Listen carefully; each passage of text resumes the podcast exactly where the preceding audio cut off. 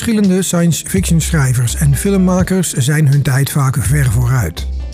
Veel fantasie van nu blijkt in de toekomst een realistische toevoeging. Zo wordt ook duidelijk in de film Logan's Run. In deze film uit 1976, die zich afspeelt in een verre toekomst, kunnen mensen met elkaar afspreken via een virtuele Tinder on steroids. Het is een soort hologram waarin een dame of heer zich aanbiedt. Swipen in dit systeem kan ook. Bij een match druk je op een knopje en de persoon staat zeer spoedig live aan je voordeur. Handig. Voorlopig is dat helaas nog iets voor in een verre toekomst. Gelukkig hebben we in de huidige tijd ook al de mogelijkheid om op relatief eenvoudige wijze contact te leggen met een andere persoon voor een gezellig al of niet seksueel samen zijn. Dat kan zowel in de privésfeer als commercieel. Commercieel gezien is dat natuurlijk al heel lang een interessant verdienmodel. Er zijn veel verschillende aanbieders op allerlei niveau werkzaam binnen de betaalde seksuele dienstverlening. Een naar mijn mening zeer positief onderdeel van deze industrie is de relatief kleine groep echte high-class escorts. Stelvolle dames en ook heren die tegen een passende vergoeding op intelligente wijze bijvoorbeeld een girlfriend of een boyfriend experience aanbieden. Deze experience is dan in overleg en veelal tegen meerprijs op heel veel verschillende manieren in te vullen. In deze aflevering praat ik met Esme. Zij is een voormalige high-class escort. Via de door haar opgerichte escortservice S-Label biedt zij een oprecht stijlvolle en zeer uitgebreide high-class escortservice aan. In dit gesprek toont zij een bescheiden, discrete inkijk in de fascinerende wereld van de high-class escorts. Esme, goedemorgen. Goedemorgen. Hallo. Uh, op jouw verzoek, uh, voor de luisteraars, uh, even een kleine toelichting nog. we zijn wat vroeg begonnen, omdat jouw ehm, beschikbaarheid natuurlijk een dingetje is in jouw business. Um, je bent vooral in de naochtend tot diepe nacht beschikbaar voor klanten en voor collega's, zeg maar. Ja. Um, welkom nogmaals. Leuk dat je er bent. Um, en je kunt dus gebeld worden tijdens deze podcast voor boekingen. Dat luisteraars dat weten. Dan moet ik even stoppen. Misschien merk je er niks van, maar dan weten mensen dat vast. mijn eerste vraag zal zijn: je hebt een boek geschreven. Ja, dat klopt. Vertel. Nou ja, ik heb natuurlijk zelf altijd gewerkt als high-class escort. En mensen die vinden dit gewoon een hele interessante branche. En ja, misschien herken je me als je op verjaardag bent of iets en ze vragen: Goh, wat doe je voor werk? En ik vertel dat ik een high-class escort service run. Uh, dan krijg ik meestal echt heel veel vragen naar mijn hoofd geslingerd. En dat vind ik ook heel leuk. Um, maar daarna dacht ik eigenlijk, hoe leuk is het als ik al die verhalen die ik heb meegemaakt en allerlei tips en trucs voor in de slaapkamer ga uitschrijven. Mhm. Um, ja, sinds ik het boek heb, krijg ik echt hele leuke reacties op. Dus het heeft gewerkt.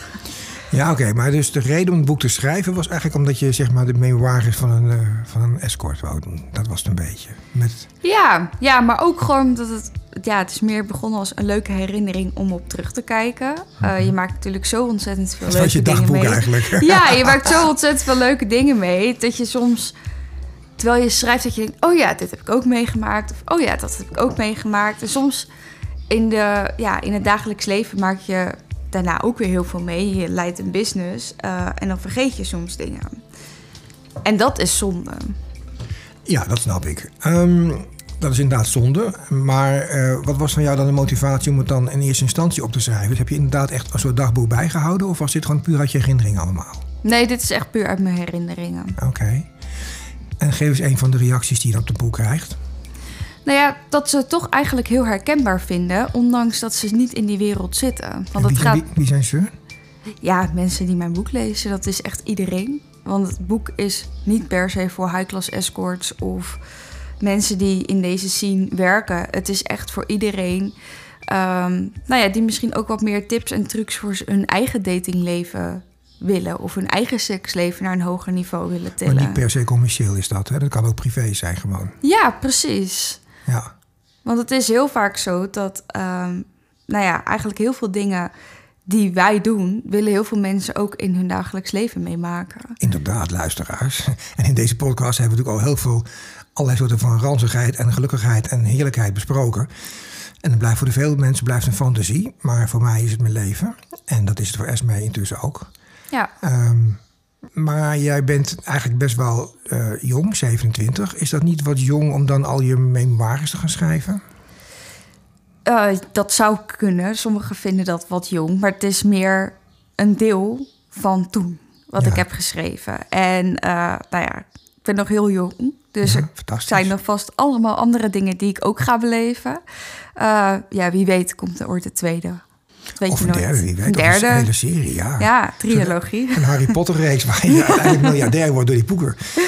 Ehm, maar je zegt over toen. Dus dat betekent eigenlijk dat je al... Hoe, hoe, ehm, wat voor leeftijd ben je begonnen als eh, sekswerker, als escort? Was je gelijk high-end of ben je eerst... Hoe Nee, ik ben echt als high-class escort begonnen. En hoe kwam dat? Of hoe ging dat? Nou ja, ehm, Je liep op straat en je dacht, ik word high-class escort. Nee, ik, het was toen uit met mijn toenmalige vriend. En ik dacht, nou ja, de serie Meisje van Plezier was toen net op tv. En van, eh, met Angela Schrijvers. met dat? Angela Schrijf, ja. En nou, dat triggerde me in enigszins, ehm, omdat zij echt de mogelijkheid had in haar personage, maar hè, in dat leven ook, eh, om echt haar seksualiteit te ontplooien. En dat is iets wat ik, waar ik best wel behoefte aan had, maar wat op dat moment niet tot de mogelijkheden behoorde. Hoe kwam dat? Ehm, ja, omdat het op dat moment in die relatie eh, Ah, je beperkt door je relatie. ja. maar. ja. Uiteindelijk eh, ging het dus uit. Ehm, verder een hele lieve jongen hoor. Eh, niks slecht Daarom over hem. Ehm, Je weet wat ze zeggen over lieve jongens, hè? Nice guys never make it. nee, het is een super lieve... Wat ik zeg, het is echt een lieverd. En ik gun hem echt alles. Maar we waren gewoon niet voorbestemd tot elkaar. Mhm, Ehm, en ja, ik dacht, waarom niet? Ik ben nu vrijgezel. Ehm ik ga even goed research doen. En nou ja, ik mocht eigenlijk meteen op gesprek komen. Ja, bij wie? Dat ga ik niet zeggen. Oh, dat mag niet. Oké, Nee. sorry. Ja. Ja, ja, nou, luister, als ik vraag maar raak, dat weet iedereen. Eh, en ze zegt gewoon nee, als ze het niet wil. Luister, eh, logisch. Het is overigens een vrij unieke situatie. Eigenlijk heb ik er op een gegeven moment bedacht... eh nou, overleg met een aantal mensen... dat het eigenlijk leuker is om met een podcast te maken met meerdere gasten. Eh, dit is even een uitzondering, omdat ik ook eh, de volledige aandacht eh, aan Esmee wilde geven hiervoor. Ehm, en maar ook omdat het heel kort dag gepland is allemaal. En ja, nogmaals, ik had het ook wel leuk gevonden als er wat van jouw companions bij hadden gezeten. Maar dat is ook qua planning was dat niet te doen. En ik wilde heel graag deze podcast met jou vandaag maken. Dus vandaar dat we nu dit samen doen. Dus ja, je hebt alle zendtijd voor jezelf, Esmee. Hoe leuk is dat? Ja, heel leuk. Ja. Ja. Ehm, maar je was toen hoe oud toen je dat bedacht? Ja of 20? Ik was 21. 21. Ja. Dus dat is zes jaar geleden nu. Ja. En hoe ging dat toen? Hoe was jouw eerste... Hoe ging jouw, hoe ging dat? Lijkt me heel spannend om dan die eerste date te gaan doen. Hoe ging dat? ja, dat was ook heel spannend. Natuurlijk, normaal een date is al spannend. Maar ja, dit was wel heel spannend voor mij. Ehm, maar toch het avontuur en het willen weten hoe het dan zou zijn... dat trok me toch meer eh, dan het toch niet te doen. Dus ik heb nog wel een tijdje gedacht, ook dat ik daarheen reed... van nou, ga ik dit wel echt doen? Ehm, maar dan toch iets in mij gaf aan van... nou ja, als je nu omkeert, dan weet je nog steeds niet hoe het is. Nee, precies. En ja, uiteindelijk heb ik een superleuke date gehad. Een hele lieve man. Eh, nam echt helemaal de tijd voor mij. Eh, ja, het was helemaal prima. Mhm. En wat viel je het meeste op aan die man? Want je gaat daar natuurlijk waarschijnlijk... Je ging daar met een verwachting naartoe misschien? Want wat, heb je een beeld wie je daar voor je krijgt? Of denk je, het is een zakenman of het is een, eh, weet ik veel, een hockeyspeler? Of noem, geef het maar een artiest. Een Ja, over het algemeen zijn het inderdaad zakenmannen. Zijn het mensen eh, met een hoge functie die inderdaad goed verdienen. Want een high-class escort... Daarom zeg ik ook bewust geen sekswerker of iets. Want zo zie ik mezelf niet. Waarom niet? Wat is het verschil? Want je, je verricht toch ook wellicht seksuele handelingen? Of? Het komt er wel bij, maar ik word voornamelijk toen de tijd, en mijn dames ook, worden vooral geboekt vanwege ehm, hun persoonlijkheid. En ze willen echt een connectie opbouwen. Eh, mijn dames gaan voornamelijk mee op reisjes, uit eten, naar theater. Maar ik was nog even bij jou, hè? Ja, maar dat ik ook. Oh ja, ook, precies, ja. En dat is wel anders. Ehm, zeg maar, ik doe dit werk nu niet meer, maar dat is wel een groot verschil. Ik zou nooit een escort willen zijn of Voor een uurtje in een hotel een dingetje doen, zeg maar. Nee, Nee, ik vind Maar mezelf... past ook niet bij jou, je veel te stijlvol voor. Ja. Ja, Ja. Dus dat heb je goed gedaan dan, toch? zeker. Maar de eerste date viel dus heel erg mee, zeg maar. Of was erg leuk zelfs. En het was juist heel erg leuk. Ja. Ja, ik kijk er heel positief op terug. Maar het soort man, hè, ik ben dat, kijk wat veel luisteraars natuurlijk bezighoudt. Wat ik zo, ik zal het anders omschrijven. Ehm, in het verleden dacht ik wel eens dat ik dacht van, oh, dan zag ik een dame of een heer en denk, nou, die zou best wel eens van kinky seks kunnen houden. Hè? Was mijn aanname dan. Eh, maar ik heb intussen geleerd dat het zo variabel is, dat het, dat het bij, zo, bij zoveel verschillende mensen, het is eigenlijk dus niet te zien aan de buitenkant heel vaak. Bij sommigen wel, daar ligt het er een beetje op, zeg maar. Maar ik heb hele lieve huismoeders in vreselijke bitches zien veranderen in de slaapkamer. En omgekeerd. En eh, ook mannen waarvan je niet verwacht. Ik bedoel, allerlei soorten mensen kunnen ineens dat stuk ontwikkelen in of naar buiten laten komen. Als ze daar. Hè, dat is heel erg leuk om te zien, zeg maar. Ehm, dus ik bedoel, zo ben, veel luisteraars zullen zich misschien afvragen: wie zijn dan jouw klanten inderdaad? Hè? Dat zijn dus niet. Want de zakenman is natuurlijk voor de hand liggend. Ehm, maar dat speelt zich dus over. de- Dus het is een heel ander, ook een heel ander gebied, begrijp ik nu. Niet alleen zakenmannen. Mijn eh, klantenkring is best wel divers, maar over het algemeen zijn het mensen. Mhm. Dus niet per se mannen. Het kan ook vrouwen zijn, koppels. Ehm, met een hogere functie. Dat is wel wat ze eigenlijk vrijwel allemaal eh, in common hebben. Ehm, die een fijne avond willen, waarin hun verlangens ook echt uitkomen. En dat, die verlangens, dat is dus heel breed. Dat kan echt zijn van een fijne, intieme tantra-sessie... tot een SM-sessie, tot eh, dat ze juist gewoon met iemand op stap willen... en echt die girlfriend experience willen beleven. Dat is mijn klantenkring. En daarin zijn no limits. Mhm. Dus alles wordt tot in de perfectie geregeld. Perfect, ja, leuk. En daarin kijk ik echt wie past er bij jou of bij jullie. Ehm, daarin is het matchmaking proces, want ik ken al mijn dames persoonlijk, gewoon heel erg Ja, belangrijk. je gaat wel heel snel. Ik heb het gelezen. Ja. Matchmaking mag je zo vertellen. Vind ik ook een heel interessant aspect. Ja. Ehm, ehm, want ik snap dat je heel graag wil vertellen dat over, je, over je business. Dat, leuk, dat snap ik. Maar ik was nog even in de fase gebleven waarin jij dus je eerste date had. Hè? Dat ben ik pas Ja. in mijn eh, trage geest. Maar vanuit daar, je was dus enthousiast. En wat gebeurde er toen? Toen dacht je, wow, dit is te gek. Ja, toen dacht ik eigenlijk van ja, wat vind ik hier nou eigenlijk van? Hoe heb ik dit nou eigenlijk ervaren? En vanuit mijn ervaring dacht ik, ja, weet je, ik heb een hele fijne avond gehad. Ik heb het leuk gehad. Ik ben met iemand geweest die mij zeer respectvol heeft behandeld. Eigenlijk een beetje zoals een gewone date. Alleen heb ik hier nu betaald voor gekregen. Ja, leuk toch? Ja, en toen dacht ik, nou, het smaakt op zich naar meer. Ja, dat snap ik. Nou, die eerste date was dus een groot succes. En hoe ging het verder? Nou ja, vanuit daar, eh, ja, dan krijg je natuurlijk meerdere soorten dates. Eh, ja, je stapt gewoon in een wereld en je kijkt, goh, wat wil ik allemaal beleven? En ehm, nou, ik ben vrij open-minded, dus ja, ik heb heel veel leuke dingen kunnen doen.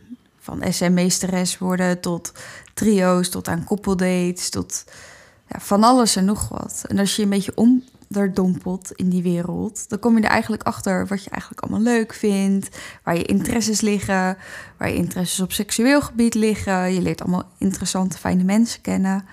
En dat is wel eh, wat mij zo aansprak in deze wereld. Geen enkele dag is saai. Het is altijd wat anders. Terwijl je eigenlijk altijd basically met dezelfde industrie bezig bent. Maar het is altijd totaal verschillende ervaring. Ja, Ja, superleuk. Ehm, en eh, hoe heeft dat jou gevormd? Want eigenlijk is het zo dat je dus... eh, ja, ik ben nu 27, dus in een hele korte tijd... ben je eigenlijk dan heel volwassen geworden, zeg maar. Hè? Want je hebt de mensen op allerlei manieren gezien natuurlijk. Ja, maar dat was ik sowieso al wel. Want ik had altijd al een beroep als verpleegkundige... waarin je ook volwassen moet zijn. Ja, dat is waar. dat is ook gewoon een belangrijke job... waarin je mensen soms, ja, soms eigenlijk meestal op hun slechtst ziet. Want Ja. anders zijn ze niet in het ziekenhuis. Ehm, dus dat ja, zat er al wel in. Het is meer... Kijk, in het ziekenhuis kan je ook heel veel voor mensen betekenen... maar hierin ook. Mhm. En eigenlijk is dat verschil, ehm, ja, vond ik eigenlijk niet eens mega groot. Omdat je bent nu ook heel communicatief bezig. Ehm, en de intimiteit bij mijn dates is altijd maar een heel klein gedeelte. Je bedoelt seks hebben. Ja, Ja, precies. Ja, dat vind ik heel interessant. Ehm, waarom? waarom? Omdat mensen je voornamelijk boeken vanwege je persoonlijkheid. En omdat ze echt eh, een connectie met je willen aangaan. Ja, dat is mijn oude stokpaardje. Intellect erotiseert, hè?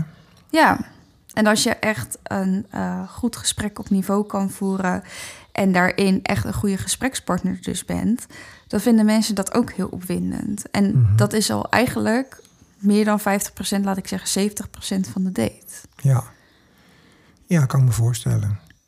Dat denk ik ook, dat is ook mijn persoonlijke reden waarom ik commerciële seks nooit heb doorgezet. Ik heb het natuurlijk geprobeerd. Dat is bijna elke man, hoop ik voor hem. Het is leuk om een keer uit te proberen.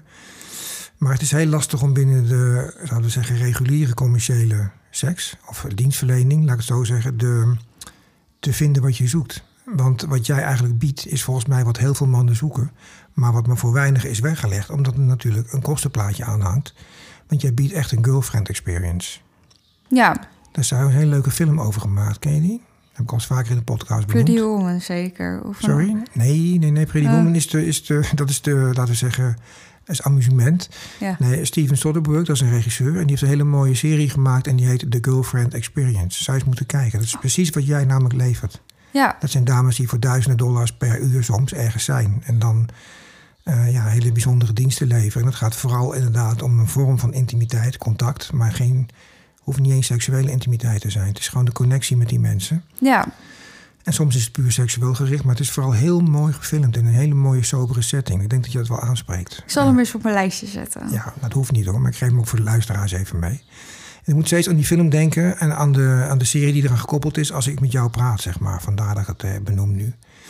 Ehm, ja, want High Class Escort, dat is natuurlijk een heel breed levende fantasie, denk ik, bij heel veel vrouwen en bij heel veel mannen.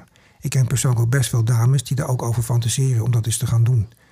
Eh, maar er is nog een heel groot verschil tussen het is gaan doen en het feitelijk doen. Ehm, hoe ervaar jij dat bijvoorbeeld met je selectie? Want jij doet iets wat je noemt als matchmaking, heb je het al benoemd. Jouw dames moeten dus ook inderdaad eh, behoorlijk eh, sociaal vaardig zijn. Ja. Mm, hoe gaat dat in zijn werk als iemand high-class escort wil worden?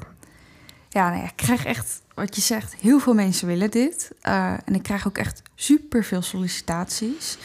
Ehm, soms wel 50 per week. Serieus? Ja, Van jong tot oud, hè? Het zijn allerlei soorten ja dames. alle, alle leeftijden. Echt van dames die net 21 zijn geworden tot dames die 65 zijn. En hopen dat ze eh, misschien nog mee daarin kunnen komen. Misschien Ehm, wel, hè, trouwens. Het is helemaal niet gezegd dat het niet kan, denk ik. Nee, dat kan niet. Nee, dat gaat niet? Nee, dat gaat niet. Maar wat is de houdbaarheidsdatum, als ik zo on- oneerbiedig mag zeggen, ongeveer?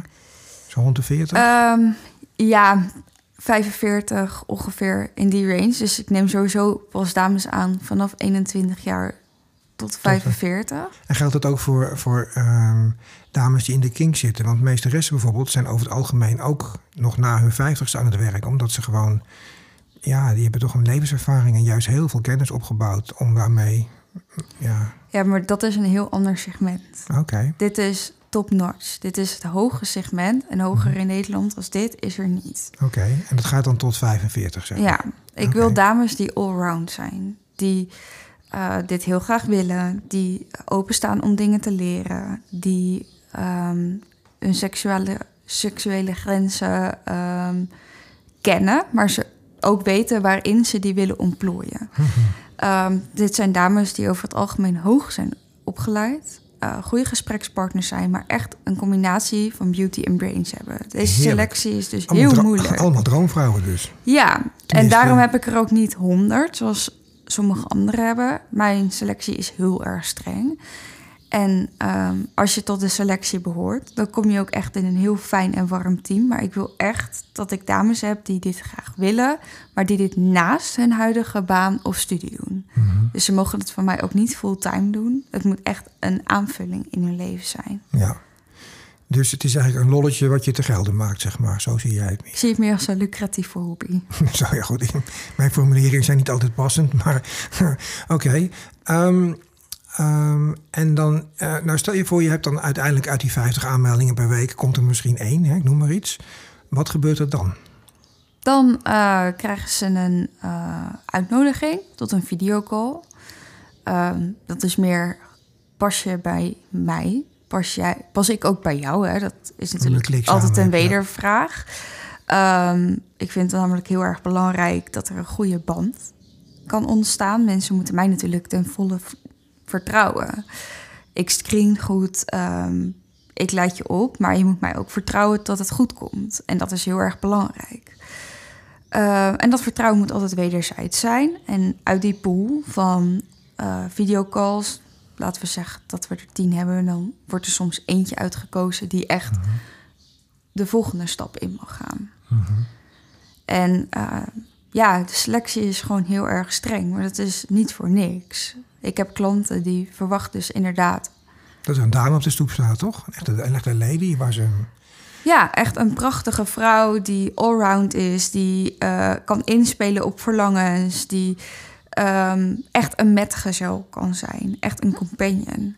En ehm, ja, dat kan niet iedereen, is niet voor iedereen weggelegd, ondanks dat het verlangen er misschien wel is om in deze wereld te stappen. En helaas, klein beetje frustratie vanuit mijn kant, eh, gebruiken mensen die term te pas en te onpas. Ja, dat vind Maar ik zo goed, werkt ja. het niet. Nee, precies. Want wat, wat onderscheidt jou dan van de andere high-class escorts? Want dat zijn er inderdaad nogal wat. Tenminste, Ja. mensen... Dat, wat je net al zegt, hè. Maar ehm, eh, wat voor de luisteraars misschien leuk is... dat je toch een hele korte tijd al een behoorlijke naam hebt. Je bent gezetteld, je hebt een hele mooie website, een duidelijke website. En daar gaat nogal eens mis met eh, andere websites. Alleen de website ziet er al uit als een vod, zeg maar. Ja. Ja. daar, daar kom je ook niet verder mee natuurlijk. Dus dat speelt ook mee. Ehm, dus ja, ik, eh, eh, wat, wat, wat, wat heb jij dan dat het bij jou wel werkt? Nou ja, ik leid al mijn dames persoonlijk op. Kijk, ik kom uit deze wereld en wat ik heel veel heb gemerkt is bij welk bureau ik ook ging werken, want dat zijn er best wel veel geweest, omdat ik het nergens kon vinden. Dus ik dacht, ah, misschien heeft dit Dus- bureau het wel of heeft dat bureau het wel. Je hebt alle high-class escortbureaus gehad in Nederland, zo'n beetje. Nou, niet allemaal, maar wel veel. Ehm, en dan kom je erachter dat de meeste mensen een bedrijf als dit opstarten in deze branche, omdat ze denken, nou ja, dat verdient misschien wel lekker. Ehm, maar wat onderscheidt je dan van de rest? Helemaal niks. Want waarschijnlijk is een escortbureau is een beetje hetzelfde. Die meiden krijgen ook geen eh, begeleiding, wordt ook niet zo dusdanig goed gescreend dat je echt kan zeggen: oké, dit is een fijn klantenbestand. En dat is bij mij heel anders. Ik kom uit deze wereld. Ik weet wat mijn dames, eh, hoe dat is op de werkvloer. Maar ik weet ook wat je een goede compagnon maakt en wat niet. Ik weet hoe je moet inspelen op verlangens. En hoe je ook verlangens kunt overtreffen. Dat je denkt, nou, dit had ik nooit verwacht dat dit zo zou kunnen zijn. Ook, niet, ook voor de dame zelf waarschijnlijk nog. Hè? Dat ze Ja. manier gematcht worden met iemand. Precies. Want jij doet dat, dat matchmaking is iets wat voor jou een vrij uniek dingetje is. Hè? Ja, jij- heel vaak is het zo dat eh, bij heel veel andere bureaus wordt er gewoon opgebeld en hoi, wie kan er? En dan maar ze, iemand, ja. ja, doe maar iemand. En zo werkt het bij mij niet. Bij mij krijg je echt een voorgesprek. Ik vraag, goh, hè, wat, wat is nou jouw perfecte date? Hoe ziet dat er nou uit? Dus dat vraag je aan degene die jou belt voor een date. Hè? Dus Ja. de man die, of vrouw die jou belt, daar ga je persoonlijk een gesprek mee aan. Ja, Ah, er zit echt tijd in. En ehm, dat vind ik ook belangrijk, want zeker als je dus best wel wat betaalt om een dame van mij te zien, dan verwacht ik ook dat iemand een fantastische avond, middag, week, whatever beleeft. Een week, nou, dat moet dan wel een hele rijke man zijn. Hè? Nou ja, er zit nu een dame voor mij in Praag een week, dus het kan echt. nou, fantastisch ja, Het is een mooie stad ook nog. Dus. zeker. Ja, maar het kan dus wel allemaal. En het gaat er dus om, hoe ziet die beleving eruit? En kunnen we het ook bieden? Nou, meestal is het antwoord ja. Maar ik vind dat belangrijk om daar eerlijk over te zijn. En Wanneer is het nee? Als ik dames heb die ehm, dat niet willen of niet kunnen, of wij hebben zelf ook bepaalde grenzen. Nee, Ehm, precies, want dat is natuurlijk logisch. eh, Ja, precies. Dus sommige dingen willen we ook gewoon niet bieden. En wat bijvoorbeeld niet? Of is dat weer te persoonlijk? Nou ja, alles met bloed, poep en dat soort dingen, dat, eh, Nee, dat gaat ook wel weer ver inderdaad. dat vind ik best wel intens. Ehm, kijk, wij zijn geen dominatrix, bijvoorbeeld. Ja, en zo zijn nog wel wat andere Maar, dingen. kan, het- kan, het- maar kan het niet zijn dat er bijvoorbeeld een dame bij jou is die daar geen enkele moeite mee heeft? Die dan zegt, nou, maakt mij niet uit. Dat is gewoon niet ons beleid. Nou, je heb je dus een grens in getrokken Ja. zelf. Ah, oké, nee. Ja, het is gewoon niet ons beleid. Oké, dus luisteraars, daar ligt de grens. Ja. ja, maar er zijn wel ook heel veel dingen wel mogelijk. Ja, Alleen, natuurlijk, ik vind het belangrijk om te, goed uit te vragen... wat wil iemand?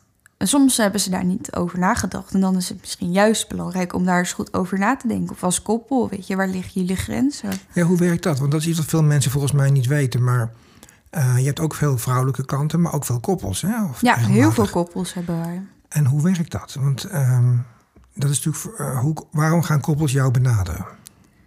Uh, nou, onder andere omdat ik ook relatietherapeut ben kind toch 27 en je hebt de hele wereld al in je zak. Niet te geloven. Ik heb naast, dit, uh, naast dat ik begon met dit bedrijf, had ik ook de studie relatietherapeut. En ik heb het samen uh, gedaan. Ik had niet verwacht nou, dat het meteen zo sky high zou gaan, mijn bedrijf. Dus het was ineens even heel druk. Maar je zat, je zat aan de, de ene, ene moment van de dag zaten tegenover jouw man en een vrouw die hadden behoefte aan counseling. En een uur later ging telefoon van dat je. Ja. Over, of tijdens dat gesprek ook, weet je wel. Dat was helemaal leuk. Ja, het is best intens geweest. Mm. Um, maar ik ben relatietherapeut, officieel. En ik weet precies wat er voor nodig is om een koppel op hun gemak te stellen. Dus, wat dan bijvoorbeeld? Nou, ze moeten het gevoel hebben dat niet iemand hun relatie indringt. Hmm. Het is een aanvulling. En uh, zeker in het begin, veel koppels hebben dit nog nooit gedaan, maar hebben wel bijvoorbeeld de fantasie om een trio te beleven. En dat moet gewoon in alle respect gebeuren.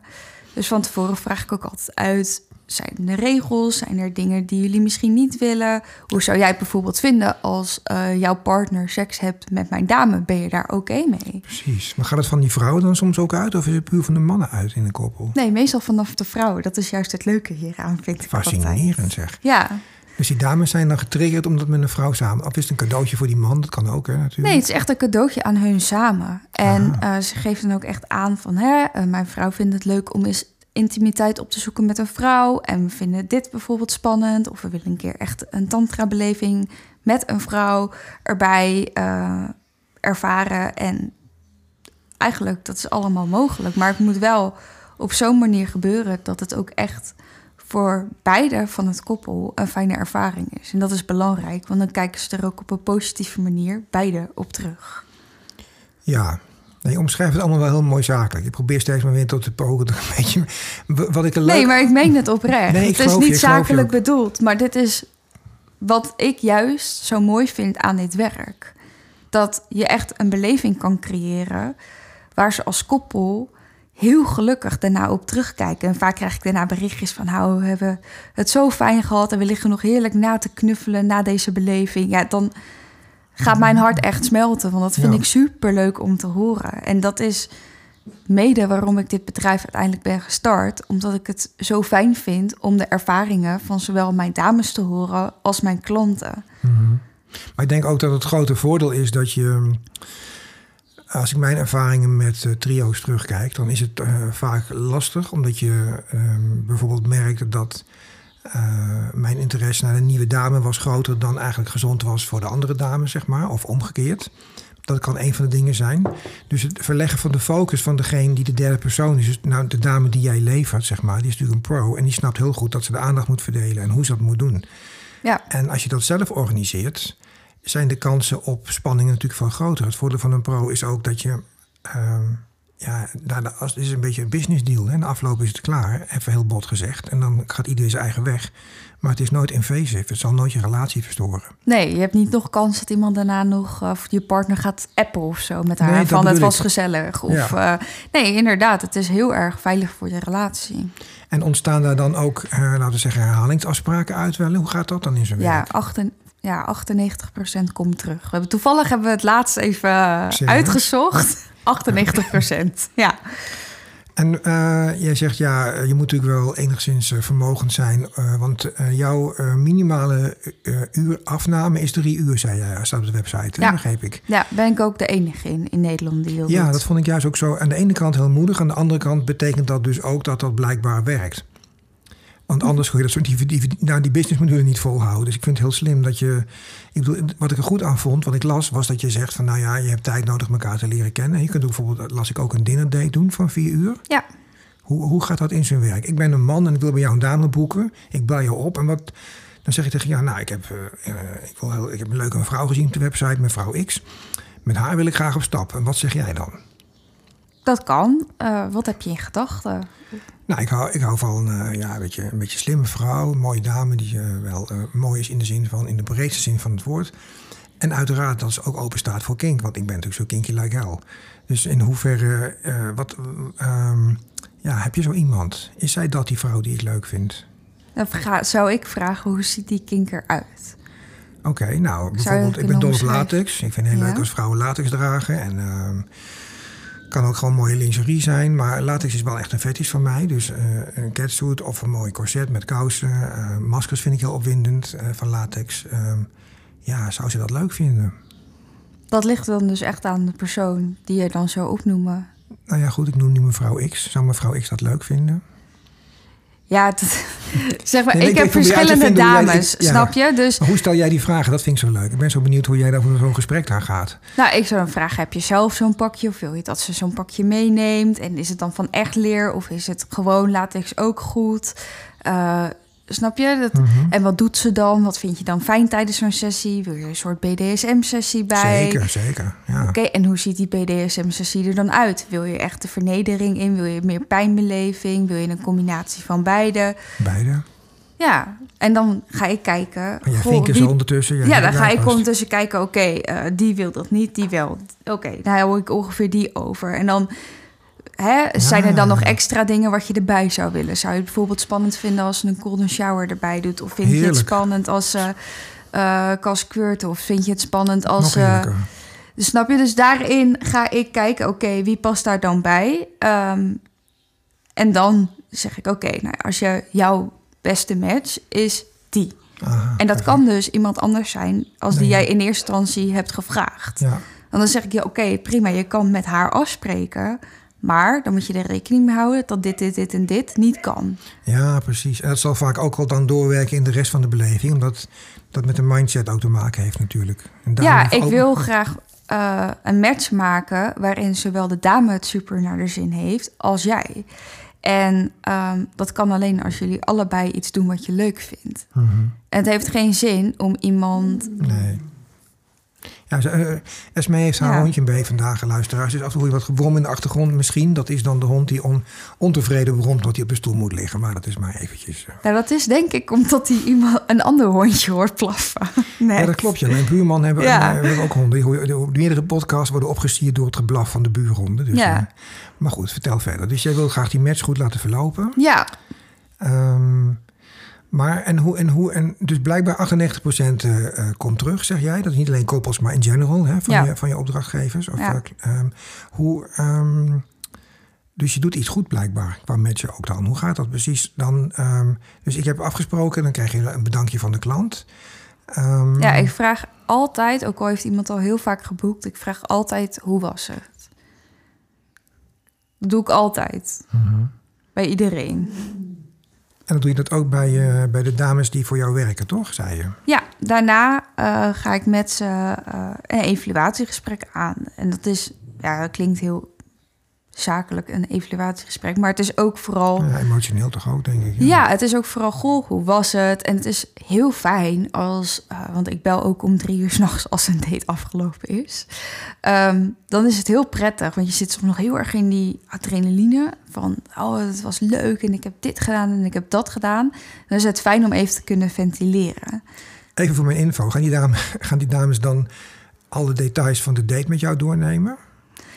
Nee, maar het is meer gewoon, we hebben dit gedaan en het was super leuk en we hebben dat gedaan en eh, volgende keer gaan we waarschijnlijk dit en dit doen. Gewoon even Klankbord, zeg maar. Ja, dat je, je bent vaak meer een klankbord. En soms hebben ze ook dat ze zeggen ja. eh, en eh, ja, volgende keer wil die dit of dit. Nou, hè, zou ik misschien een extra cursus kunnen krijgen hier en hierin? Want ik denk dat ik dat dan wel fijn vind. Ik wil graag leren hoe ik naalden moet prikken. Oh nee, dat deed jij niet. Oké, hoe ik met zweepjes moet slaan op een bepaalde manier bijvoorbeeld. Noem maar iets. Nou, bijvoorbeeld Shibari. Dat Ja. is een eh, cursus die ik onder andere geef. Doe je zelf. Ja, dat vind ik heel leuk, Shibari. Is dat je, oh, dan ken je Bob waarschijnlijk ook wel. Van Roopmarks eh, misschien? Of, Er Nee. zijn maar een paar in Nederland die dat doen, hè, Shibari.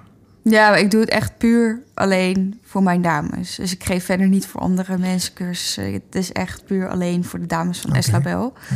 Ehm, Heb je ook een van je eigen dames die je gaat knopen? Of hoe werkt dat dan? Of doe je met een pop? Of hoe? Want Shibari is behoorlijk heftig, hè? Dat moet je echt wel weten wat je doet. Ja, ja, klopt. Ja, nee, en dan vertel je verder en dan zeg je. Ja, nou ja, we gaan dus echt op cursus. Dus er zijn dan meerdere dames uh, die dat dan graag willen leren. En dan gaan ze op elkaar oefenen. En dan loop ik Ah. ondertussen rond en dan zeg ik... oké, dit klopt niet, want je, de knoop zit hier niet goed. En dat gaat bijvoorbeeld echt vervelend zijn. Of Ja. let hierop. Of kan ook eh, schade aan je zenuwen en zo. Precies, daarom. Het, is, het luistert heel erg nauw. Dus het moet echt heel erg goed zijn. Mhm. Ehm, en dan ga ik een middag... Kijk, weet je, Shibari, dat... It takes time om dat echt goed te leren. Dus je begint met de basis. En als de basis er goed in zit... dan kan je steeds een beetje meer leren. Mhm. Ehm, en dat is gewoon belangrijk dat het op een goede manier gebeurt. Ja, zeker, zeker. Ehm, Oké. Ehm, maar goed, even terug nog naar jouw eh, vorm van, eh, van daten. Dus je hebt dan de, eh de dinner date, zeg maar. Dat is eigenlijk een date waarbij er niet, zeg maar, intimiteit plaatsvindt. Hè? Dat is puur elkaar leren kennen, begreep ik. Als dat goed Nee. gelezen? Nee, een dinnerdate dat begint vanaf vier uur. En is zeg maar de bedoeling dat je minimaal twee uur aan dineren bent. Mhm. En daarna kan je inderdaad eh, zeg maar je toetje in de slaapkamer opeten. Gezellig luisteraars, ja. Ehm, maar het is wel de bedoeling dat je elkaar inderdaad eerst echt beter leert kennen. Mhm. Aan de hand van een diner. Ja. Ja, eigenlijk persoonlijk krijg ik een beetje het gevoel nu dat het heel erg lijkt op een gewone date, hè, wat jij creëert. Ja, Het is niet het gevoel dat je iets doet waarvoor je betaald hebt eigenlijk. Eh, het is meer het gevoel van, goh, je, het voelt bijna gewoon alsof je met een vriendin op stap gaat of je vriendin. ja, ja, het is echt inderdaad, het zou met iedereen kunnen. Mhm. Ja, Nou, bijzonder hoor. zeker. Ehm, maar die onvrede die jij dus voelde hè, in het begin, is het, heb je nou het idee dat het jou ook helemaal is... Kijk, de, de cijfers zeggen van ja, maar heb jij het gevoel zelf dat het helemaal is gelukt... om eh, waar jouw onvrede zat, dat je niet genoeg begeleid werd? Ehm, hoe is de feedback daarop van jouw eh, collega's nu, van jouw companions? Ja, die zijn heel erg blij. Omdat vanaf het begin word je, word je helemaal klaargestoomd om dit werk te doen. Het is niet zo dat als ik je aanneem, dat ik zeg... nou mooi, dan kan je morgen beginnen. Nee, hoe gaat dat? Ik ben dus jou aangenomen als dame en wat dan? Dan krijg je van mij eerst een basiscursus. Die moet iedereen doen. Eh, en daarin leer je eigenlijk wat moet je mee, wat moet je aan... wat moet je zeggen als je moeilijke vragen krijgt... of waar je geen antwoord op wil geven. Wat zeg je dan? Ja, dat, dat soort dingen, dat kan Ja, echt in de... Ja, ik ga ik niet al dat soort niks. dingetjes vertellen. Nee, Nou, ik sorry. ben zo nieuwsgierig. Dat vind ik juist leuk. Nee, omdat het, weet je, dat is heel erg persoonafhankelijk. En zo'n cursus duurt echt iets van vier uur. Dus Oké, achter elkaar door of is dat verdeeld over nee, tijdperiode? dat is één cursus. Er komt nu een vraag in mij op. Hè? Hoe beoordeel jij de seksuele vaardigheden van zo'n dame? Want dat is weer heel wat anders. Hè? Iemand kan bijvoorbeeld intellectueel ontwikkeld zijn en invoelend zijn... maar dat wil niet per se zeggen dat de dame in kwestie ook de finesse heeft in het lichamelijke, zeg maar. Hoe, hoe test je dat? Ja, dat is echt ervaring. Dus ik kan wel, mijn radar staat zo goed afgesteld Oh ja? dat ik, ja, kan ik wel beoordelen. Ik ga niet zeggen van hoi, eh, hier is een klant, eh, hij gaat je even heel plat gezegd even uitproberen, kijken of, of je wat kan. Nee, dat is natuurlijk die Nee. andere uiterste. Dat is, dat is in, de, in de onderwereld, zeg maar. maar Ja, daarom. Nee, dat, dat hebben wij niet. Ik was heel benieuwd hoe je dat dan doet. Maar dat is jouw intuïtie waarop je dat doet dus, zeg maar. Ja, kijk, dames die hier zich voor opgeven, dat zijn een bepaald soort type dames die hier al sowieso eh, ja, heel geïnteresseerd in zijn. Mhm. Die doen dat niet zomaar.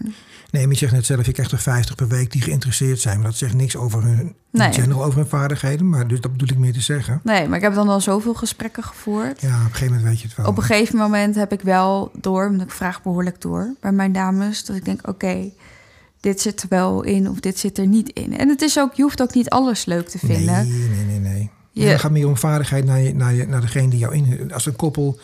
eh, als- heel simpel, als hij nooit met een vrouw of een dame heeft gezoend... is dat misschien best wel voor de, jouw companion ook een ding. Als het voor het is. Dat, dat bedoel ik meer. Ja, ja, dat is het ook. Dus dan zeg ik altijd, nou, dan weet ik niet of dat handig is om dat te doen.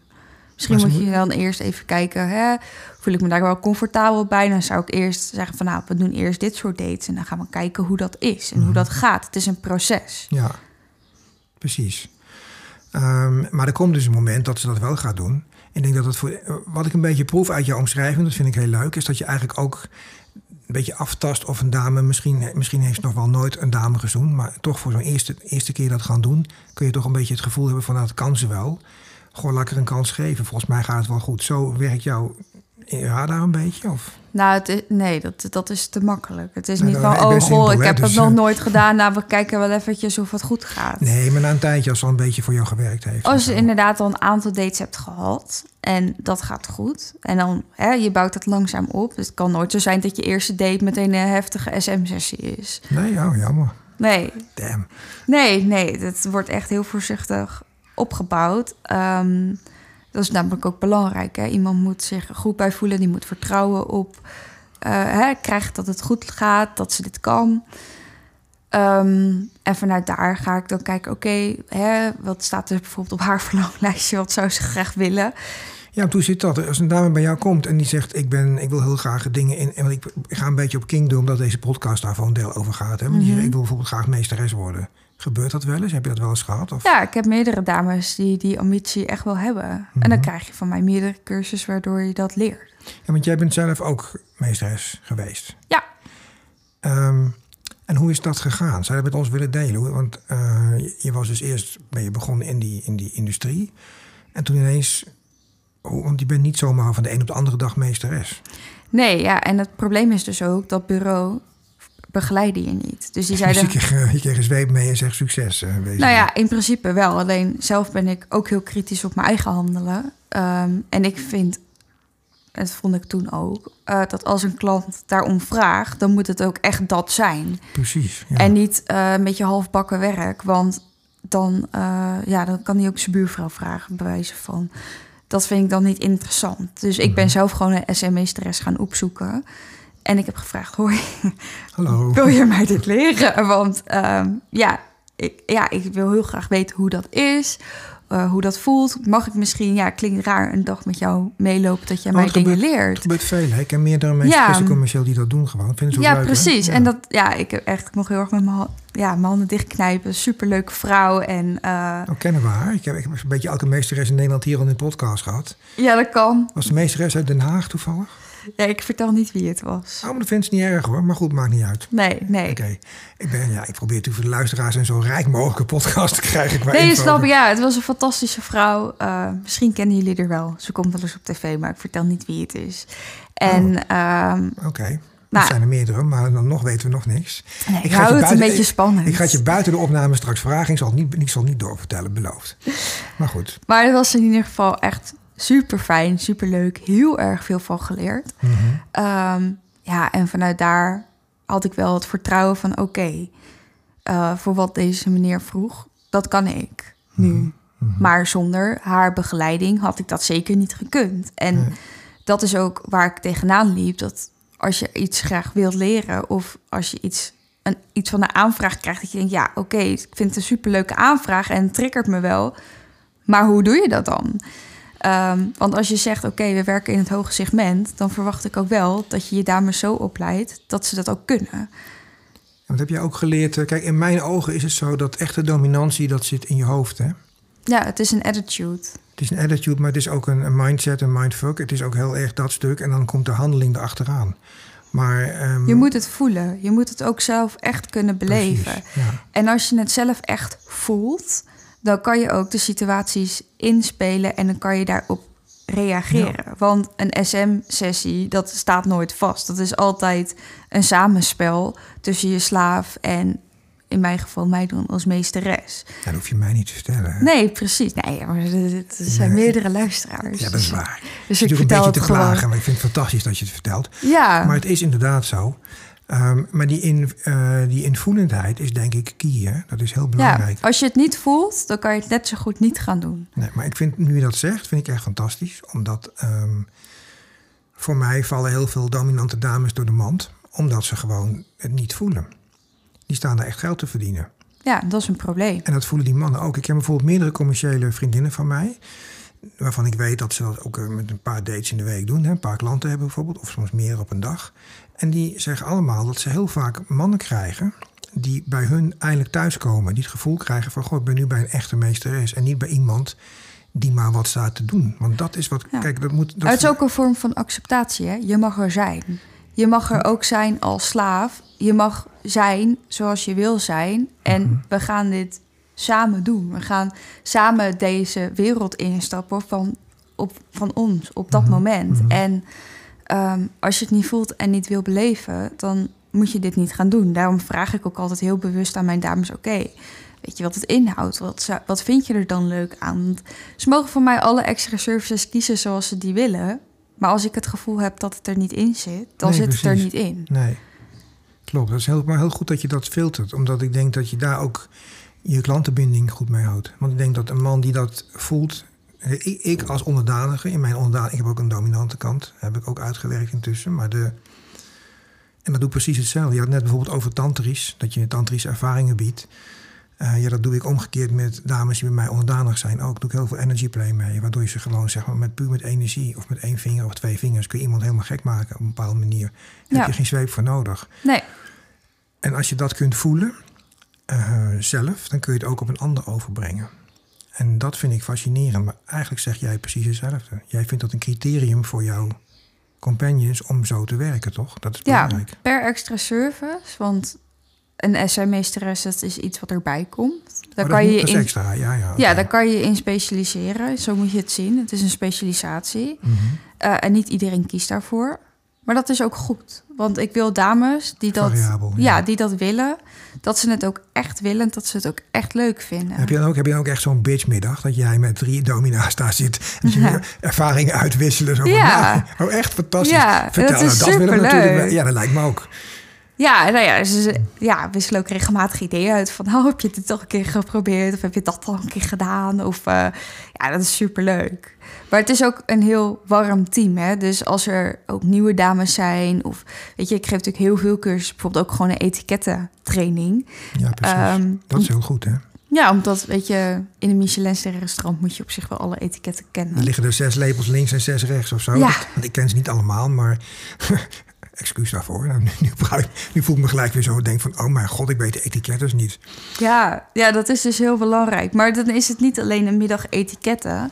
Dan is het ook gewoon een middag lekker bijkletsen. Zo'n kinky etikettenmiddag, zeg maar. Nou ja, niet iedereen doet dus kink. Maar er zijn dus ook gewoon heel veel verschillende dates. Of, oh, heb je dat al een keer gedaan? En heb je dat al een keer gedaan? En oh, dat is leuk. En ze wisselen eh, gewoon vaak ideeën uit. Of als ze weten dat iemand op een reisje is geweest... dan ze zeiden, oh, wat leuk, hoe was het? En Ja, het is gewoon echt een fijne... eh, het is echt thuiskomen. het is een soort Ja. family gevoel voor jullie onderling. Ja, Maar ik denk dat veel luisteraars, of een aantal daarvan... zeker de serie Meisje van Plezier zullen hebben gezien. Of gelijkwaardige series, zover die er zijn. Ehm, dat was voor jou een inspiratie. In hoeverre komt dat overeen met de werkelijkheid, die serie? er zitten echt wel componenten in... die matchen met de werkelijkheid. Maar ja, net als met Net als alles... die man die verliefd op haar is en die er staat met die baard in die serie. Dat is allemaal waar. Dat gebeurt bij jou ook. Het gebeurt wel eens dat een klant verliefd wordt op een dame. Ehm, ja, dat, dat kan gebeuren. Het is menselijk. Het is mensenwerk. Maar die moet dan zijn huis verkopen om haar te kunnen blijven zien, basically, toch? Nee, nee, dat doen we niet. Nee, nee dat is dan dus weer het wat- seriecomponent erin. Ja, precies. Dat bedoel ik. Wat, Ja. wat, wat gebeurt, wat, hoe grijp je dan in? Want dat krijg je op een gegeven moment in de gaten natuurlijk. Of, Ja, ja vaak eh, ja, krijg je dat op een gegeven moment wel door. En dan zeg ik, ja, dan, dan grijpen we wel in. Mhm. Niet alleen voor mijn dame, maar ook voor hem. Ja, want gebeurt het andersom ook, dat een dame verliefd op een klant wordt? Is dat wel eens dat... Nee, dat gebeurt echt nooit. Nee? Nee. Want ik weet dat het gebeurt. Hè? Ik ken dames die dat hebben meegemaakt. Die in de business op een andere manier werken, maar die wel op klanten verliefd werden. Ja, in mijn business gebeurt het niet. Nee? Nee, nooit. Maar komt het omdat jij ertussen zit? Of hoe werkt dat dan? Nee, dat komt omdat ik dames uitkies. Of nou ja, selecteer vanuit het sollicitatieproces. Die afstand en nabijheid Kunnen scheiden. kunnen scheiden. En ondanks dat het eh, heel intiem is, want het is een hele intieme dienstverlening. Zeker met kink erbij. Hè? Want is geestelijk, eh, wat voor luisteraars weet dat grootdeels wel, denk ik. Of niet, ja, weet ik trouwens niet. Maar binnen de BDSM kun je ook behoorlijke diepe lagen bereiken, zeg maar. Dat gaat verder soms dan gewoon tussen haakjes een gewone date. Ja, maar dan nog kunnen ze dit goed scheiden. En daar eh, krijgen ze ook, ja, weet je, ik ben daar ook voor. Mhm. Ja, dus na een date vraag ik hoe was het. En dat helpt daar ook bij. Ik ben heel betrokken. Mhm. En als ze ergens mee zitten, weten ze me ook te vinden. Dus ehm, nee, er zijn heel veel dames die worden heel vaak teruggevraagd door dezelfde klant. Maar dan nog blijft het wel hun werk Ja. of hobby. Ja, hobby waar ze een werk van maken, zeg maar. Ja. toch? Ja. En is het zo dat als bijvoorbeeld... ehm, is dan wel eens dat bijvoorbeeld een dame zegt... nou, ik heb eigenlijk maar over het hele periode drie klanten of zo. Drie verschillende. En dat die dan vaker zijn. Is dat iets wat voorkomt? Of is het zo dat ze bijvoorbeeld heel veel wisselen? Ik heb geen idee hoe dat gaat vanuit die dames. Nou, vrijwel iedereen heeft vaste klanten. Toch dat wel, is hè? eigenlijk altijd zo. Ja. Ja.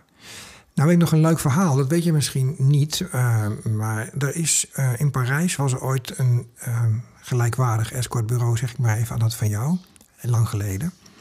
Ehm, dat was heel succesvol ook. Ehm, het geinige is, of eigenlijk het verdrietige is, dat het uiteindelijk is opgeheven. En dat is niet gebeurd omdat het niet goed liep. Dat is gebeurd omdat alle dames in kwestie dates hadden met zeer vermogende heren uit de hele wereld. En dat die uiteindelijk met die mannen getrouwd zijn. Dat is echt een fascinerend fenomeen. Dus ehm, ja, dat is jou misschien vreemd, maar dat vond ik heel grappig. Want jouw formule is namelijk, vind ik, heel geniaal. Omdat je zegt, ik wil alleen maar dames die eh, een leven daarnaast hebben... en die af en toe voor een hobby of voor een lolletje Ja. dit doen. Nou, dan zijn ze ook niet afhankelijk van dit werk. Nee, precies dat. Maar ze, je hebt ook minder gedoe dat je eh ja, con- concurrentiegedoe krijgt. Want het is helemaal niet, ze willen juist beschermd worden. Ze willen hun ding doen en weer naar huis. Dat is basically it. Ja. Dus daar vind ik het zo leuk wat je doet. En ik denk dat dat bureau iets in de screening dan ook verkeerd heeft gedaan. Nou, ik denk dat ze die ene regel niet hadden. Daarom zeg ik het eigenlijk. Dat Ja. ze gewoon die dames konden doen wat ze wilden. Altijd de hele dag door met, met hun klant. En als je inderdaad meerdere keren een week op stap gaat. Want hoe gaat het bijvoorbeeld nog even tussendoor met die dame in Praag nu? Hè? Die zit daar dan een week. Ja. Ga je elke, elke dag dan bellen van... En hoe is het? Ja. Oh, echt? Ja, ik ben heel betrokken. Oké. Maar is dat dan een afgesproken moment? Of hoe werkt dat dan? Zit die klant daar dan? Hoe, ik, als Ja. ik met zo'n dame op stap ben, zou ik denken... Hé, hey, wat gek, ze wordt gebeld. Nee, kijk, er zitten hele duidelijke regels aan. Eh, kijk, als je dit een week doet, omdat je een week op vakantie bent met iemand, eh, heb je ook af en toe even vrije tijd nodig. En dat wil zeggen, twee uurtjes op een dag is minimaal een vereiste. Even shoppen, even naar, ja, rondlopen. Gewoon even tot jezelf komen. Want je bent een week lang wel de beste versie van jezelf. En dat is zwaar. Ja. Mensen die zien inderdaad alleen maar de serie Meisjes van Plezier. En dat klopt ook. Kijk, je slaapt in de meest luxe hotels. Je eet in de allemaal Michelin-sterren restaurants. eh, je hebt Saai. hele fijne... Ja, ja, maar je hebt hele fijne eh, klanten die je met respect behandelen... en die je nou, nog net niet op handen en voeten dragen. Ehm, maar het is ook... eh, je bent een week dus van huis. En eh, je spreekt dus een week je familie nauwelijks. Of vrienden of weet ik het wel. Dus je sociale leven ligt ook even een week stil. Eh, en je moet zelf ook af en toe even bijkomen. Even appen, even bellen met thuis. Ja, Eh, even thuisfront misschien. Even van, jij, het gaat goed of weet ik het wat. En even bij mij, even je verhaal kwijt. Dat is gewoon belangrijk. En dat is... eh, het welzijn van mijn dames staat altijd op één. En zijn er ook dames die inderdaad dan getrouwd zijn of een vriend hebben, of die dat weten of niet weten? Hoe werkt dat? Ja, er zijn mensen die dat hebben, maar weinig. Ja, wel hè? Ja. Aha, dus als ik nu weer een, eh, een belangrijke zakenvrouw mee aan tafel zit voor een of ander project, dan is de kans groot dat ze in de vrije tijd een hobby heeft, zeg maar. Dat kan. Ja, geen idee. Het dat ligt er echt aan Ja, wat je ambities natuurlijk zijn. Ja. Nee, maar ik bedoel meer te zeggen van dat is het grappige. Je hebt geen idee wie dat zijn natuurlijk. Nee. nee. Nee, het zijn vaak, dat is dus ook inderdaad het leuke. Het zijn vrouwen met een hoge functie Mhm. die dit leuk vinden om erbij te doen. Ja, ik snap het wel. Want omgekeerd zijn dus mannen met een hoge functie die eigenlijk amper of geen tijd misschien hebben om een gezin te runnen of daar geen zin in hebben. Ja, Maar geen wel een tijd voor. Ja, geen tijd voor, maar wel behoeftes. En omgekeerd zijn er ook genoeg vrouwen die dat hebben. Ja, ja. En dan het stukje waarin jij ook vrouwen eh, aan vrouwen eh, koppelt, zeg maar. ja. Hoe is dat procentueel iets van te zeggen? Hoe moet dat zien? Is dat 10%, 30%? eh, Ja, kijk, als je 100% hebt, dan heb je eh 60%, nee niet, 50% is man en 30% is koppel en 20% is vrouw. fascinerend. En vragen vrouwen nooit om mannen? Dus altijd vragen naar vrouwen. Nee, jij, ze vinden het juist heel interessant om echt eh, die klik met een vrouw te ontwikkelen. Hmm, mooi zeg. Ja, En is dat in de benadering heel veel anders dan bij mannen? Ja dat is wel heel anders. Want daar heb je een gesprek met zo'n dame van, nou ja, je wil met een vrouw daten. Eh, Haar, haar wensen moeten natuurlijk ook besproken worden. Maar, ik denk dat die- Zeker. maar de vragen van een vrouw zullen waarschijnlijk heel anders zijn dan van een man, toch?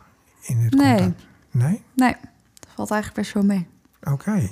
Dus je kunt ook heel gericht zijn op handelingen, fysiek en... Nee, want een man vraagt daar weinig naar. Het is wel, dat komt er wel bij. Maar de meeste mannen willen echt, die bellen mij omdat ze een connectie willen vormen. Mhm. Uh, en gewoon op zoek zijn naar een partner uh, die ze af en toe kunnen zien en waar ze een hele fijne tijd mee kunnen hebben op meerdere, in meerdere lagen, zeg maar. Slim. Maar wat is dan anders met vrouwen? Je zegt vrouwen zijn anders daarin. Wat is dan het verschil? Nou, die aanloop duurt langer. Oh ja? Een man gaat iets eerder over op het fysieke gedeelte.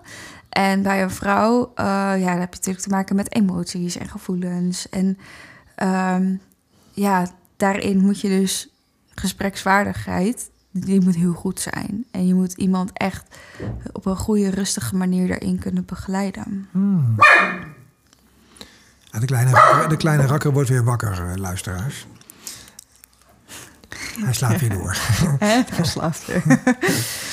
maar het betekent dus dat je dan is dat dan altijd eerst een verkennende date bij dames onderling? Of hoe werkt dat? Is dat nee, de duur is in het begin, zeg maar, de meeste mannen die zeggen... oh ja, we beginnen wel met vier uur. En dan komen ze er al vrij snel achter dat het veel te kort is. Mhm. um, en bij vrouwen die beginnen al meteen met een langere date. Nou ja, joh, ongelooflijk. Ja, omdat ze denken, we hebben die tijd nodig. Want ik wil eerst graag hè, connectie met haar echt aangaan. Ik wil haar beter leren kennen. En een man heeft dat ook, maar die denkt dat hij dat in vier uur ook wel redt. Die zijn een beetje ambitieus. Ja, maar dan komen ze erachter dat ze nog een uurtje langer nodig hebben. En dat is 300 euro per uur, zag ik op je site, als je Ja. dat losboekt. Ja. Want nog heel even over de tarieven. Die vind ik persoonlijk heel schappelijk. Ehm, los van het feit, eh de waarden zijn natuurlijk altijd heel, eh, per, eh, zeg, is perceptie. Maar ehm, dus eigenlijk de minimale date is bij jou zo rond de 1000 euro, hè? 900 zoveel toch? Voor Ja, uurtjes? 950 euro voor drie uur. Maar daar komen er dus nog wel reiskosten bij. Uiteraard. Ja, En eventueel andere kosten, toch? Eh, Reiskosten als er een ticket geboekt moet worden. Of bijvoorbeeld. Ja. Ja, En overnachting, als dat nog meer... Ja, dat kan ook met drie uur niet, dat slaat nergens Nee. op. Maar, ja. oh nee, gelul. Maar, maar dan denk ik van, jij zegt eigenlijk drie uur is eigenlijk aan de krappe kant. ja. Bijna niemand boekt drie uur. Oh nee, dus je ziet al gauw die date van 1200. Heb je ook eentje, geloof ik, hè? Dat is vier uur of vijf? Ja, dus vier. Ja, gemiddelde date is ongeveer tussen de vijf en de zes uur. Hm, interessant. Ehm, ja, dan moet je inderdaad wel een vermogend persoon zijn, toch? Ja. ja, er zijn ook mensen die sparen hier heel lang voor. Mhm. Wat ook prima is, maar over het algemeen heb ik klanten die gewoon maandelijks boeken en gewoon veel terugkomen. Zo, gaaf zeg. Ja, dat is... ehm, maar het is ook alle waar naar zijn geld natuurlijk, hè? Dan krijg je wel wat bijzonders voor natuurlijk. Ja, ja, zeker. Goh. En heb jij nooit dat eh, mensen jou bellen die zich niet hebben verdiept in de tarieven, die met jou heel gesprek aangaan? Ja, meer, dan heb jij dus een uur met iemand aan de lijn gezeten die wil dan een dame. Nee, boeken. ik hoor dat meteen. Dat klinkt heel raar. Ja. Nou, vertel. Ik bel je op en zeg ik, nou, ik zag je site en ik zag een hele leuke vrouw en die wil ik graag boeken. Nee, maar dat zijn meestal mensen die beginnen met de zin... eh, waar eh, kan ze zo komen of zo. Of eh, oh mijn god, ja. ja, nee, snap je? Dat, dan denk ik al, oh, dit wordt weer helemaal niks. Dat zijn van die mensen die kijken alleen maar plaatjes. En die denken, oh, dat is leuk. Maar die Ja, kijken ja. niet één Verder. stapje verder. Nee, niet Ja, dat gesprek duurt niet heel lang hoor. Nee? Nee, dan vraag ik, goh, was je al op de hoogte van de tarieven? En dan zeggen ze nee. Nou. en als ze die dan horen, dan zeggen ze, oh, oh. En En dan niet is helemaal wat ik gedacht had, zeg kort maar. gesprek. Ja, precies. Ja, Oké. Je zit veel tot zichzelf, bedoel je te zeggen. ja, ja. leuk. Ehm, en je bent nu, hoe lang ben je nu bezig hiermee? Heel kort nog pas, hè? Een jaar, anderhalf geloof ik. Ja, anderhalf jaar, Mhm. zoiets. Ehm, en wat is je ambitie? Wat zou je eigenlijk ermee willen met deze service? Ehm, ik zou nog graag wat willen uitbreiden. Ik zou nog wel graag iets meer dames in mijn bestand willen. Ehm, Je hebt er nu 150, geloof ik, hè? Of, eh, nee, ik heb er dus 16. Ehm, maar dat is wel meer dan bij Meisje van Plezier, hè? Ze had er maar vier of zo, toch? In de serie, Ja. vijf. ja, klopt. Ehm, en wat ik graag zou willen is, nu doe ik ook veel reisjes, buitenlandse tripjes. Maar Zelf? dat zou ik nog... Nee, nee, nee, nee. Ik doe Oh, zelf van- helemaal niks meer. Ik doe alleen nog maar dit bedrijf runnen. Oké, daar komen we zo nog even op terug. Maar je wil ja, uitbreiden, buiten, dus dat de dames meer naar het buitenland gaan, bedoel je? Ja, nog wel meer reisjes, dat zou ik wel leuk vinden. Ook gewoon, omdat het voor die meiden gewoon heel erg leuk is. Maar dat Mhm. vind ik ook gewoon heel erg leuk om te organiseren. Mhm. Voor hun. Voor hun.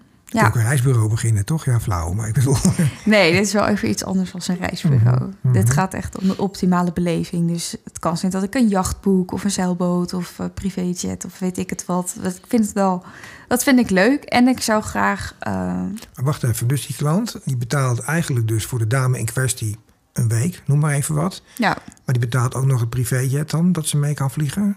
Eh, bijvoorbeeld, ik noem maar iets. ja of business car eh, class tickets. Ja, ik noem maar iets, maar dat vind ik Ja. interessant. Dus ja, ja, leuk. Ja, de verhalen zijn natuurlijk wel bekend van eh allerlei, allerlei heren die zoveel vermogend zijn dat ze dat kunnen betalen, zeg maar. Want voor die mannen maakt het ook geen zak uit eigenlijk, hè? Het is Nee. meer- dat is nee, het gaat meer om dat ze willen dat het helemaal perfect geregeld is. Als dat ze zeggen, ja, kan het ook voor 100 euro minder of zo. Nee. Vinden ze niet zo heel interessant. Nee, dat snap ik. Nee. En zij willen gewoon eigenlijk dat ze tegen jou zeggen, nou, ik wil graag die, me- die mevrouw dan, dan eh, zien. En dan zorg jij gewoon dat ze Het moet is. gewoon geregeld Ja, zijn. En het moet gewoon goed geregeld worden. Ja, En dat vind ik leuk. Ik vind het leuk om dingen te regelen. En ik vind het ook belangrijk om eh, nou, dit wat meer zichtbaar te maken. Dus net als dat ik nu eh, bij jou in de podcast zit en om hierover te praten, ja, vind ik het ook gewoon belangrijk dat eh, dit wat meer wordt besproken. Want dit is iets wat niet heel zichtbaar is. En er zijn weinig mensen die gewoon herkenbaar dit willen vertellen. Eh, en dat is lastig. Ik, tenminste, ik loop daar veel tegenaan, omdat mensen hier toch bepaalde vooroordelen over hebben. Ehm, maar aan de andere kant vinden ze het ook super interessant. Dus dat zijn eigenlijk twee dingen die niet echt met elkaar matchen, maar dat toch zo is. En eh, dan loop je soms tegen dingen aan en dat is gewoon jammer. En ik denk dat als we wat meer zichtbaarheid hierin creëren en dus wat meer gewoon op mensen hun vragen ingaan, ehm, dat er misschien wat meer begrip ook voor kan komen. ja, dat is heel erg goed. Daar ben ik ook voorstander van. Dat is een van de redenen waarom ik je heb gevraagd. Ik heb een artikel over jou gelezen in de krant. Dacht, ik ga je gelijk bellen. Dus je kon gelukkig ook vrij snel. Dat is leuk. Ja, Dus ik, ik wil daar ook aan meewerken. Daarom maak ik ook deze podcast. Hè, dat Ja. dingen bespreekbaarder worden. Ehm, ik denk wel dat eh, de kans groot is dat jij mensen in je leven bent verloren. Net als ik, die om wie je bent en wat je voelt en doet, eh, dat afkeuren. En daar bijzonder op kunnen reageren. Ik denk zelf altijd van dat mensen die zo reageren, die, eh, daar ben ik best wel stellig in. In mijn ogen missen die in ieder geval een stuk openheid in denken. Vaak zit er een boel eigen frustratie achter. Eh, eigen verdriet, eigen pijn, want misschien had ze het zelf ook wel gewild. Ehm, en misschien voelen ze zelf dingen ook wel zo, maar het is makkelijker om je tegen te verzetten en te verdedigen, om je dan te verdedigen, dan eraan toe te geven. Want dan stel je kwetsbaar op. ja, Ehm, dus ja, dat is ook een van de redenen waarom we, we dit nu vertellen allemaal. Omdat ik denk, ehm, in de huidige vertrutting, dat ik iets afschuwelijks vind... probeer nou maar eens ergens topless te zonnen... zonder dat je gelijk eh, met ja. eieren bekogeld wordt. Dat is echt belachelijk. Terwijl in de tijd dat ik opgroeide, ja, ik ben een oude lul, ik weet het. Maar toen lagen alle dames topless op het strand. En Mijn moeder ook hoor. Ik ben daarin normaal. ook opgegroeid. Ik ben misschien, ik ben nog niet zo Ik ben oud. geen oude lul, maar goed. Maar nee, eh, ik ben ook opgegroeid dat ik lekker met mijn moeder naar het strand ging. En eh, dat mijn moeder gewoon topless aan het zonnen was. Ja. En dat was gewoon heel normaal. En niemand keek daar ook raar van op. Nee, ik kreeg er ook geen commentaar op en zo. Ik kreeg er ook geen commentaar op. En het is ook heel normaal, hè? Dat is mijn het zijn punt. gewoon borsten, hè? dat Ja, dat bedoel heeft ik. elke vrouw. En Ehm, man. en man eigenlijk ook. Dus ja, waar maken we Nou, zo'n big deal van? Laat iedereen gewoon zijn die die wil zijn. En zolang je er andere mensen geen pijn of kwaad mee doet, denk ik ja, leven en laten leven. Ja, maar dat is dus precies mijn motto. Ben ik helemaal met je eens. Alleen het lastige is dus dat blijkbaar er iets aan de gang is... waardoor je het verschijnsel hebt als nipplegate. Er is een keer ergens een tepel te zien... en oh mijn god, de hele wereld, het komt in de krant. Dat vinden ze belangrijker dan hoe in Oekraïne mensen uit elkaar geschoten worden... die in de bomen... Ik bedoel, Ja, het is van de gekken, weet je wel. Die hele, dat hele perceptie is verschoven naar een soort... ehm, ja, ik vind het echt kwalijk. Ja, ik vind het ook lastig, omdat eh, we moeten hier wel mee leven.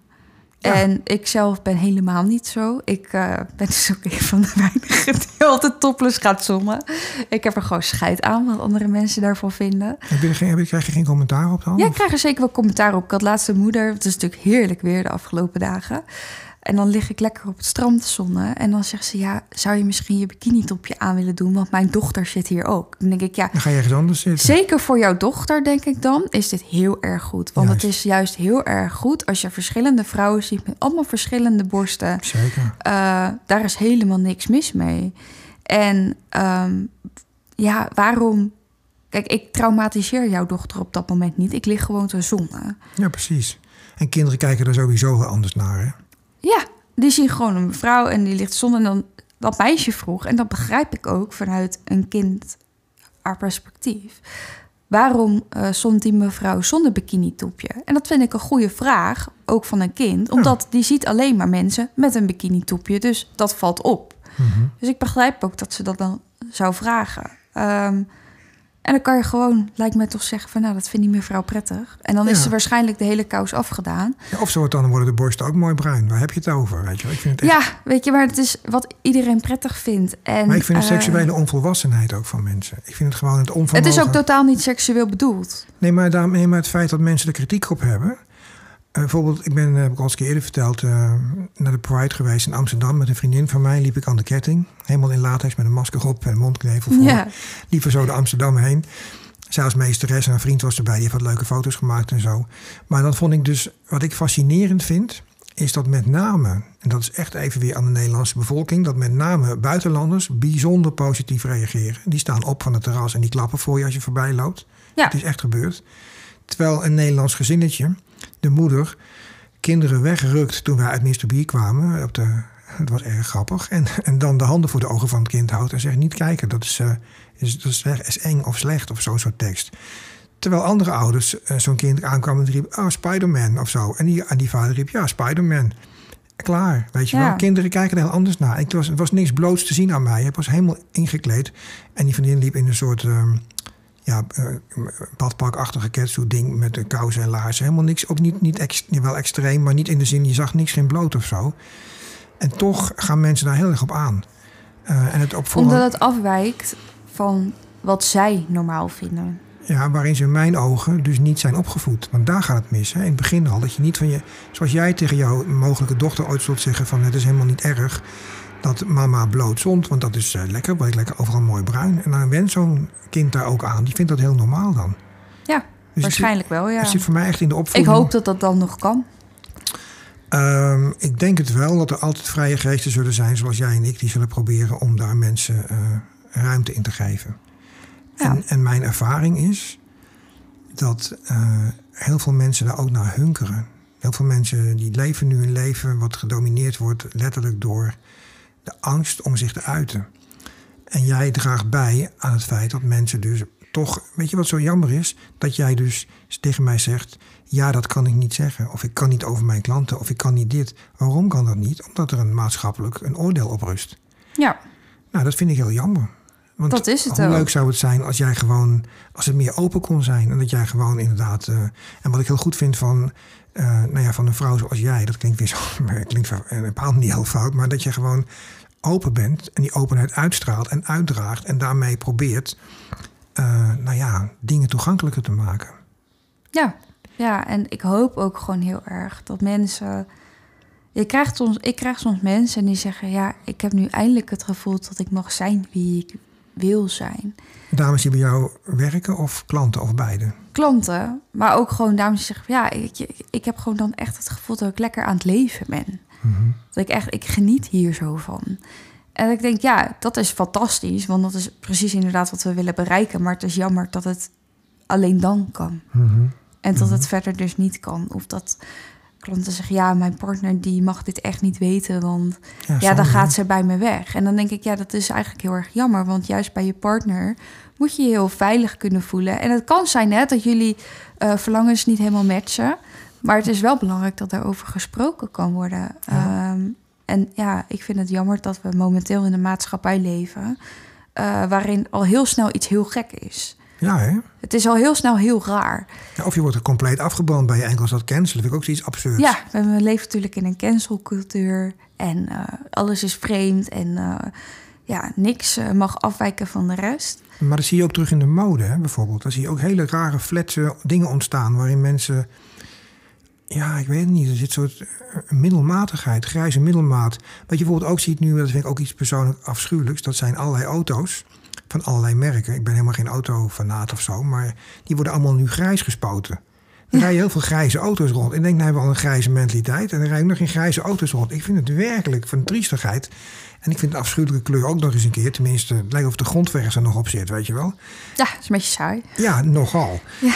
En ik weet niet, ehm, ik denk dat het altijd ehm, slecht is als mensen zich niet kunnen uiten. Dat zie je nu in oorlogen. Dan mensen onderdrukken gevoelens en dan komt het in de oorlog allemaal naar buiten.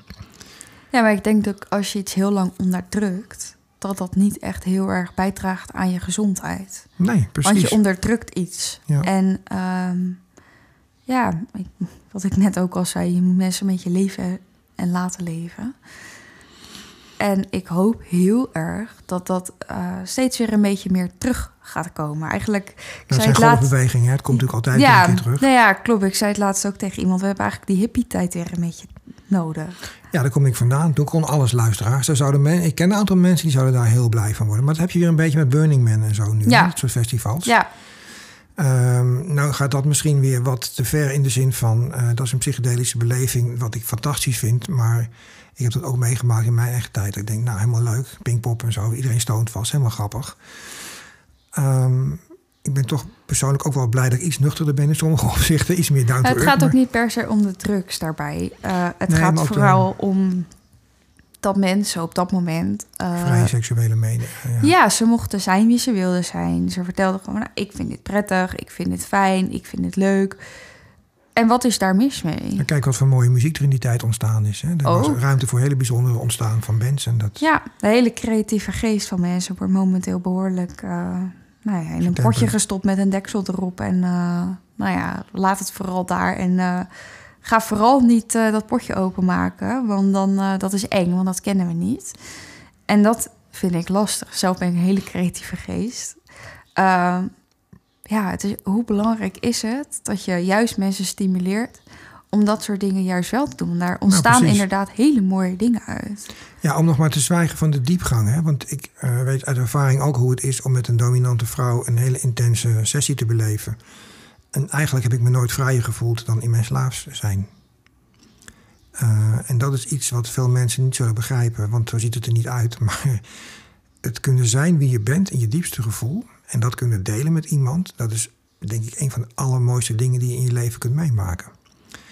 En of je dat nou betaald doet of niet, dat maakt niet uit. En zeker omdat jij ook zegt, je kunt een dienst bieden waarbij dames dat aanbieden en dan weer hun eigen weg gaan. Ik heb toch één klein vraagje over zo trouwens, maar dat is natuurlijk fantastisch.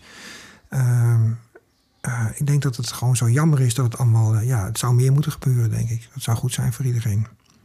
Dus ehm, als je de kans hebt, dames en heren, leef je uit en kruip niet, kruip niet in je, in je hol weg, zeg maar, maar kom eruit, hè.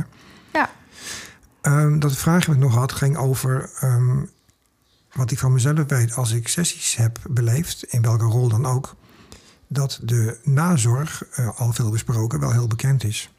Of heel noodzakelijk is. Hoe werkt dat bij jou? Want als ik dus bij jou een dominante dame zou willen eh, aanvragen, en ik heb daar een fantastische tijd mee, en zij gaat weer terug, en dan heb ik geen contact met haar, dat loopt via jou, neem ik aan. Mhm. Hoe werkt het dan als ik behoefte heb, eh, ik kom in een subdrop terecht? Wat doe ik dan? Bel ik Nou ja, dan kan je inderdaad mij bellen. eh, maar sowieso is er ook aan het einde van de date echt even tijd om te evalueren. Mhm, Dus met je slaaf zelf. Oké, Ehm, maar er zijn heel veel klanten die bellen mij. En Toch die, wel, ja. en die zeggen van luister, ik zit hier en hier mee. En dat vind ik ook mijn taak om daarnaar te luisteren. kind, je hebt geen tijd voor jezelf dan. Nee, ik heb het heel druk. Maar eh, lieve Esmee, als ik jou zo hoor en ik zo, zie je nou een paar uurtjes, dan denk ik, nou wat leuk. Eh, dan denk ik bij mezelf, ja, hoe doe je dat dan zelf sociaal nog? Want ik bedoel, je bent dus eigenlijk 24-7, elke dag bezig met deze business. Ja, En dan leef je dus ook best wel een eh inderdaad heel druk leven. Maar hoe doe je dat sociaal? Kun je nog wel een verjaardagsfeestje toe en dan belt er een klant. Wat gebeurt er dan? ja, dan loop ik even weg. Oh, dan loop je even weg. Ja. Dat kan gewoon allemaal. Nou ja, ik vind het belangrijk dat ik ook inderdaad goed om mezelf denk. Mhm. En ik doe nog steeds allemaal leuke dingen in mijn leven. Maar ik vind het wel belangrijk dat. Hè, het kan ook een combinatie van. En de mensen met wie ik omga, die weten dat dit bij mijn leven hoort. Mhm. Dus als ik ergens ben en ik word gebeld, ja, dan loop ik even weg. En dan neem ik mijn telefoon op. Ja, ja. Ja, want als je dat niet begrijpt, dan pas je niet in mijn netwerk. Nee, heel goed. Dat Ja, heb ik dus ook. Als mensen, daar heb ik nog weinig mensen over die zeg maar niet weten wie ik ben, wat ik voel en wat ik doe. ja. Omdat het anders gewoon niet werkt. Ik heb geen zin om het, ook voor, voor, om het- om het te verbergen daarin. Dus dat snap ik wel. Nee, maar dit is gewoon ook iets waar ik heel erg trots op ben. En dat is een onderdeel van mijn leven, dus ook een Ja. onderdeel van mij. Precies. En als je dat niet snapt of niet wil snappen, dan is dat prima. Maar dan pas je niet in mijn netwerk. Nee, Want dat is, zijn niet de mensen met wie ik mij wil omringen. snap ik. En hoe werkt dat met jouw eigen romantiek? Ja, dat zijn, is een van de weinige dingen die ik nog wel voor mezelf privé heb. Dus die hou ik ook graag privé. Nee, ik bedoel, je hebt wel een romantisch leven, bedoel ik eigenlijk. Dat zou wel heel leuk zijn natuurlijk. Als jij geen, uh, je, uh, je, moet het uitleggen, ja, je weet wat ik bedoel. Je hebt toch wel misschien een vriend of, of weet ik wat. Of... Ja, dat zeg ik natuurlijk graag voor mezelf houden. Ja, natuurlijk, luisteraars. Nou, dat is weer een ja. van de vele geheimen van Esmee. Ja. Die wij nooit zullen weten. Nee. um, Oké. Okay. Um, je zei net dat je dit ziet als iets wat je graag wil uitbreiden naar, uh, met meer naar het buitenland, hè, internationaler. Um, ben je er al stappen voor aan het ondernemen? Hoe gaat dat op zo'n moment? Um, ja, dat is een heel technisch proces. Dat heeft ook te maken met hoe je gevonden wordt natuurlijk. Ja, marketing. In Google. Ja. Marketing. Nou ja, marketing, dat is dus ook zoiets. In Nederland is het verboden om als high-class escort service... of escort service of wat voor iets in de seksindustrie... Uh, om daar echt reclame voor te maken. Serieus? Dat wist ik niet eens. Nou, weer wat geleerd. Google Ads, stap 8, niet. Um, Klein burgerlijk gezeik, man, echt. Ja, mag niet. Goed. Dus uh, je moet het echt hebben van, uh, nou ja, bijvoorbeeld interviews. Maar dat, hè, niet iedereen wil dat. Ik wel hoor. Je mag altijd terugkomen, helemaal ja, leuk. Gelukkig Volgende keer, nee, maar serieus, als je een keer terug wil komen, dan zou ik heel leuk vinden. En dan mag je vertellen wat je wil, maar dan zou ik het wel heel leuk vinden als je misschien één of twee dames bereid kunt vinden. Want dat maakt het voor luisteraars wel heel uh, dynamisch ook. Dat ze ook eens horen dat zo'n dame vertelt. Oh, je weet dat het lastig was op korte termijn. Keep it in mind. Je bent altijd welkom met je companions. Maar dit even terzijde, sorry. Je was aan het uh, druk bezig om het uh, internationaal. Um, ja, dus je moet vooral daarvan hebben. En nou ja, mensen kennen mij in deze wereld. Uh, dus als ze iets nodig hebben, weten ze me wel te vinden. En je merkt dat dat steeds een beetje meer is. Maar het zou leuk zijn als het nog iets meer zou zijn. Nou ja, ik heb jou nu eigenlijk leren kennen via een krantenartikel. Anders was het niet eens, had je niet, van je bestaan niet geweten zo snel. Nee, dat kan.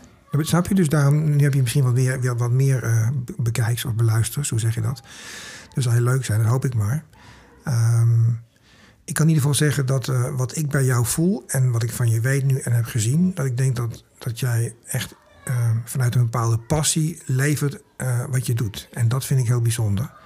Want ik loop ook al een tijdje mee in de industrie en het is wel eens anders, zeg maar. Ja. Ik heb het idee dat geld bij jou niet de eerste motivatie is.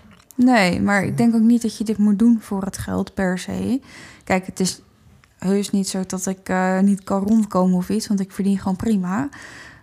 Maar het gaat bij mij niet om het geld. Niet iedereen die belt en het geld kan neertellen, mag ook een boeking bij mij maken. Oh, vertel. Nou ja, als iemand al, ik zeg dat als je al niet aardig tegen mij kan doen aan de telefoon, dan kan je dat waarschijnlijk ook niet bij mijn dames. Nee. Dus dan ben ik vrij snel klaar. Dan ben ik vrij snel uitgepraat. En hoe werkt dat bijvoorbeeld als je... Je hebt natuurlijk een aantal mannen die... Je hebt natuurlijk, uh, ik neem aan dat jij meer gebeld wordt door onderdanige mannen dan dominante. Of is dat een aanname? Ja, het verschilt heel erg. Oké, okay, want leven, leven dus, zijn die dames ook bereid? Want dat is altijd het tricky gebied als, als meesteres, dat weet je zelf. Mm -hmm. Heb je in basis iets minder risico's, hè? Want slaven zijn toch wat volgzamer. Ja, kijk, over, echt um, omgekeerd dat een klant uh, de meester is, dat doen wij niet. Maar dat doe je niet? Nee, dat doen wij ook bewust niet, omdat... Uh, er is geen controle, hè? Dan? Er is geen controle. En als mijn dame het dus niet prettig vindt... Um, kan ze geen stop zeggen? Ja, kan ze ja, je zeggen, kan maar... wel een, een, codewoord zeggen, maar dan moet je maar hopen dat hij op dat moment ook stopt. En -hmm. uh, dat is natuurlijk andersom wel zo. Maar dat weet je nooit zeker. En de veiligheid van mijn dame staat altijd op één. Snap ik. En als mensen, um, nou ja, niet aan mijn protocol zeg maar willen meewerken, dus bijvoorbeeld een aanbetaling willen doen en hè, aan mijn richtlijnen uh, willen meedoen, ja, dan kan ik ze gewoon niet helpen. Nee. Want dat is onderdeel van de veiligheid van mijn dames. En dat Ja. vind ik belangrijker dan welk bedrag dan ook. Ja, snap ik. Ja, dat is inderdaad is niet van belang. Hè. Maar ehm, is het ook niet zo als je bijvoorbeeld ehm, een dominante man beter als je man leert kennen en hij is dominant en dat gaat eh, op een andere manier goed, niet in die dom domrol, dat je na, als er een bepaald vertrouwen is dat het dan misschien wel mogelijk is? Of ben je er heel, Nee, toch heel, nee heel, dat is echt niet beleid. nee, nou, heel goed. Nee, ik ben wat dat betreft heel streng. Nee, heel- nee, zo goed. Eh, beleid is bij mij beleid. En eh, dat is er niet voor niks. Dat is er om de veiligheid van mijn dames, maar ook voor mijn klanten te beschermen. Mhm. Het werkt twee kanten op. Ehm, en dat vind ik heel belangrijk. Ja, snap ik. Ja, dan heb jij op je website een kopje staan met eh, speciale services. Eh zal ik het zo maar even mogen noemen. Ehm, de fetish en fantasy hebben we al een beetje besproken. Maar hoe, zit- wat is bijvoorbeeld een lingerie experience? Hoe gaat dat in zijn werk? Ja, heel veel mannen En vrouwen. Kijk, een vrouw in een mooie uh, lingerie, dat is natuurlijk de droom van iedereen. Dat is prachtig. Ik ken mannen die er niks aan vinden hoor, ja, over naakte vrouwen. Maar goed, ga verder, want ik vind zelf ook prachtig, dus vertel, vertel. veel mensen vinden het heel veel erg leuk. mensen, ja precies. Uh, en nou ja, vrijwel alle dames, dat is dan dat is allemaal heel erg gemeen. zijn mm. allemaal dol op lingerie. Oh, leuk. Uh, dus ja, die collectie die is groot. En dan nemen ze allemaal verschillende setjes mee. En uh, ja, dan gaat het inderdaad echt om de experience. Dus hoe staat het er en hoe... Uh, Een passessie, zeg ja, maar. Ja, passessie. Uh, soms maken ze een hele modeshow van. Uh, het is ook een beetje eigen invulling van en dat de doen dame ze voor die, voor die man dan, of voor die vrouw, of voor wie Ja, zijn? koppel, wie dan ook. Ja, ah, wat leuk. En dan naarmate de opwinding stijgt, zeg maar, dan het, het final setje is dan degene waarin dan uh, de ontspan ontspanning komt, of hoe moet dat zien? Uh, Ja, ja. Superleuk. Nou, weer wat geleerd, luisteraars. En uh, je hebt ook een speciaal kopje voor de Golden Shower. Ik ben daar zelf een enorme fan van. Ik vind dat waanzinnig intiem en ontzettend uh, leuk. Um, voor veel mensen is het ook nog een taboe. Maar aangezien het feit dat jij het als apart kopje op je website aanbiedt, betekent dat dus dat. Sommige dames die vinden dat ook leuk om te doen. En heel veel heren of dames? Of hoe, zijn er ja, vrouwen? Voornamelijk mannen. Wel hè? Ja. Ja. Hè? ja. Um, en als ik nou kijk bij het aantal vragen wat daar. Het is namelijk het punt wat ik zo grappig vind, is dat over het algemeen wordt er nogal afwijzend op golden showers en dergelijke gereageerd. Hè? Squirten ook bijvoorbeeld. Uh, er zijn nog steeds mensen die geloven dat squirten niet bestaat. Het bestaat. Dat het bestaat. Ik. Dan ben je als minnaar tekort geschoten als je het niet hebt meegemaakt, denk ik. Hè? Zo kun je het ongeveer zien, toch? Nou ja, ja maar het is wel vanuit twee kanten. Kijk, uh, als vrouw moet je je echt volledig kunnen ontspannen en ook echt kunnen laten gaan. Um, en je echt daar ook aan over kunnen geven. Uh, en als man, ja, je zal even iets harder je best moeten doen. Ja. Of gewoon weten wat je moet doen, hè? want dat is Ook. ook nog een dingetje. Ja, zeker. Ja, dus Maar dat is ook een probleem, hè, over het algemeen. vertel. Nou ja, uh, doordat er zo weinig over seks wordt gesproken, wordt er ten eerste ook best wel weinig gesext. Maar er is ook uh, heel weinig aandacht um, voor genot. Wat vindt Ja. mijn partner nou eigenlijk fijn? Uh, en hoe kom je samen tot een fijn hoogtepunt? En het is belangrijk om daar uh, met elkaar over te hebben. Ja, en nog, nog, ook nog belangrijk is wat ik pas sinds een jaar of tien geleerd heb, is dat de fixatie op het piekorgasme, ook al vaker hier benoemd, is eigenlijk best wel onhandig. Dus waarom moet je samen altijd tot een hoogtepunt komen? Ja, In de tantra is het zo dat je je orgasme als man vasthoudt. ja, Ik kan klaarkomen zonder te spuiten, heb ik geleerd. Superhandig. Uh, dat zouden meer mannen moeten doen, denk ik. Uh, want je, je houdt gewoon een hele mooie spanning in stand. ja. En ik vind het fantastisch om een vrouw meerdere keren een orgasme te bezorgen zonder zelf klaar te komen. ja. Bijvoorbeeld. Dat heeft een heleboel voordelen voor je seksuele energie, voor je ontspanning. Um, uh, dat vind ik trouwens heel leuk. Dat ik misschien even die tantra nog kort doorgaan. Want jij leeft ook die tantrische experience. Maar dat is ook niet iedereen gegeven. Om te geven ook, hè? Die, die, die Nee. ervaring. Nee. Uh, geef je dat zelf ook aan je dames door? Hoe werkt dat? Ehm, nou ja, tantra ben ik zelf gewoon niet bedreven in. Maar ehm, ik ken wel mensen die daar heel goed in zijn. Dus dan schakel ik ook een professional in... Mhm. eh, die mijn dames voorziet van die kennis. Juist. Je kan niet overal goed in zijn. Nee, enige bescheidenheid zie je, Esme. Ja. Dat is wel heel goed. maar um, uh, het is ook zo dat... Um, ik heb een podcast gemaakt met een aantal tantrische mensen. De Nieuw Tantra, die doen dat ook. Mm. Zijn ook specialisten. Ook een, een gigolo. Zij ging over twee gigolo's die ook tantrische experience leveren, zeg maar. Uh, ook voor zichzelf zijn ze erg mee bezig. Um, en ik heb de jongens uitgebreid gesproken voor en na de podcast. Ik heb ze ook mijn ruimtes en alles laten zien. En eigenlijk kwam tot de conclusie dat de manier waarop ik in ieder geval kink beleef en fetish heel erg overeenkomt met tantra. Omdat het heel erg op energie ook gericht is en op uh, ja, niet zozeer op het, ja, het bereiken van bepaalde stadia van euforie en van genot, zeg maar. Um, en dat is een beetje wat jij eigenlijk ook vertelt net, vond ik, in je omschrijving. Ja, nou ja, ik weet natuurlijk wel iets van af, maar echt, uh, ik ben er geen professional in. Nee, maar dat hoeft ook niet per se, toch? Nee, maar als ik mijn dames opleid, dan zorg ik dat ze echt heel erg goed zijn. Ja, dus er zijn er een aantal bij jou die dat gewoon heel goed kunnen, zeg maar. Ja. En is dat ook een koppeling, merk je dat ook bij jouw meesteressen bijvoorbeeld, dat die ook met tantrische dingen doen? Of is dat juist... Ja, er zijn meesteressen die uh, zowel meesteres zijn als ook het stukje tantra heel goed beheersen. Nou, dat zijn de fijne, zeg maar. Ja. Dat zijn de echte. En die heb ik. Ja, die heb jij. Ja. Nou, luisteraars, mocht je van zin zijn, dan is dit het moment. Tantra plus kink. Het is fantastisch. Oké, nog één dingetje wat ik graag wil weten. Dat is de, de A-level, anale seks. Ja, Dat is voor mij even een nieuwe. Anale seks niet, maar wat is A-level, A-level? dat is hetzelfde. Oh, anaal level betekent dat waarschijnlijk dan. Ja. Simpel als ik ben, oké. Eh, daar is ook heel veel vraag naar natuurlijk. Maar ook niet iedereen die dat wil doen waarschijnlijk, hè? Ehm, ja, E-level is natuurlijk heel breed. Het kan eh, zijn dat een dame dat bij de klant doet. Bijvoorbeeld door middel van een strap-on of eh, prostaatmassage of Ah, ja. iets in die trant. Mhm. Eh, het kan ook zijn bij haar, maar niet iedereen inderdaad staat daarvoor open. Dus ook Nee. daarin is een match heel belangrijk. Ja. ja, ik snap wel dat je dan meer dames wilt dan, de, dan degene die je nu hebt. Hè? Dat je hoe meer je natuurlijk... eh, ik denk dat een, een, een aantal van eh, 40 dames zou heel fijn zijn voor jou waarschijnlijk. Hè? Om je kunnen spreiden in je... Nou, ongeveer 35 inderdaad. Kijk, ik vind het belangrijk ehm, dat ik mijn team heel goed ken, want dat is ook mijn kracht. Mhm. Dat zorgt ervoor dat ik precies weet wat een dame fijn vindt, wat ze niet fijn vindt. Het zorgt ook voor dat ik een hele goede match kan maken. En als ik te veel dames heb, dan ga ik het overzicht kwijtraken. Ja, natuurlijk, snap ik. Ook Dus- met de nazorg, hè? Als, Ja. bellen, als je het team moet bellen s'nachts, dan word je gek natuurlijk. Ja, precies. Dus ehm, een select gezelschap van ongeveer 35 dames, dat zou ideaal zijn. Ja. Nou, dames, er is nog wat ruimte, begrijp ik. Dus als jullie denken aan de strenge criteria van SME te voldoen, dan eh, kun je een mailtje je van sturen. harte welkom. Juist. Ik ga de, de website voor je bij de omschrijving zetten. Graag. Superleuk. En eh, dan kunnen mensen jou proberen te benaderen, mochten ze dat willen. Ehm, is er nog iets kleins wat je zou willen zeggen tegen de luisteraars? Of iets groots? Nee, ik hoop dat ze het leuk hebben gevonden. Ja, nou dat hoop ik ook. Ehm, ik, ik vond het in ieder geval heel leuk met je te praten. En ik denk eh, dat je een heel mooi concept hebt opgezet.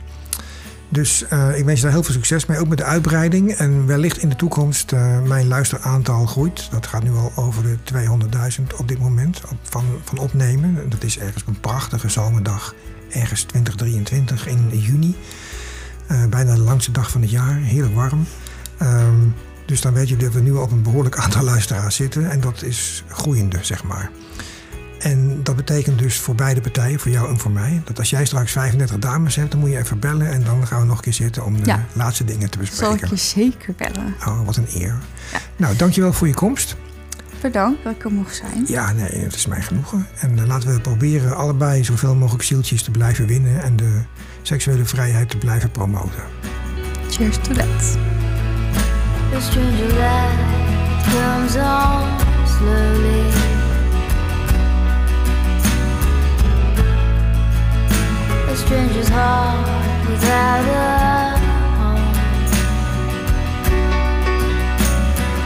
Fijn dat je hebt geluisterd naar deze podcast. Als je de content leuk vindt, wil je hem dan alsjeblieft zoveel mogelijk liken, delen en eventueel de podcast volgen. Hoe meer likes, hoe meer bekendheid en hoe meer mensen we dus kunnen helpen met hun zoektocht, coming out of andere vragen die ze op het gebied van kink en seksualiteit wellicht hebben. Via de website van Syncquest kun je altijd een mail sturen met bijvoorbeeld je voorstel voor een onderwerp of een kink- en seksgerelateerde vraag waarvan je vindt dat die in de podcast besproken kan worden. Op de website vind je ook linkjes naar andere sites en eventueel onderwerpen die voor jou interessant kunnen zijn. Dit was het voor nu. Tot de volgende.